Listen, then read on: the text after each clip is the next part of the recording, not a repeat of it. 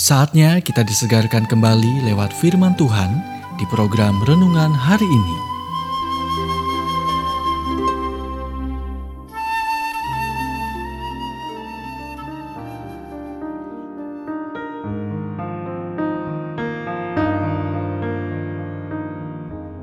Renungan hari ini berjudul Bagaimana cara tetap berada di jalur.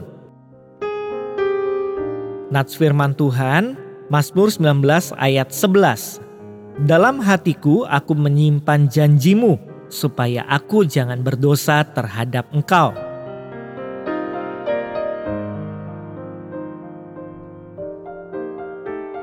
Senator Bill Nelson berlatih dan terbang dalam misi pesawat ulang-alik enam hari di atas Kolombia tepat sebelum bencana Challenger. Dalam bukunya, Mission, dia menjelaskan betapa sulitnya mempertahankan orbit yang tepat di luar angkasa. Tidak ada hambatan di luar angkasa, jadi astronot benar-benar dapat membalikan pengorbit besar itu sendirian.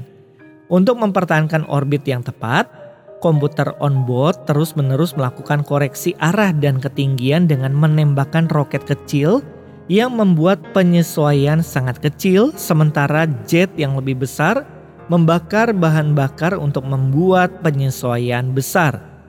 Roket-roket ini sangat penting karena jika mereka tidak menembak secara konsisten pada waktu yang tepat, kendaraan luar angkasa dapat menyimpang dari orbitnya dan jatuh keluar angkasa atau menabrak atmosfer bumi. Ada pelajaran penting di sini bagi kita masing-masing. Dibiarkan untuk diri kita sendiri, kita cenderung membelok keluar dari orbit spiritual kita ke suam-suam kuku dan ketidakpedulian.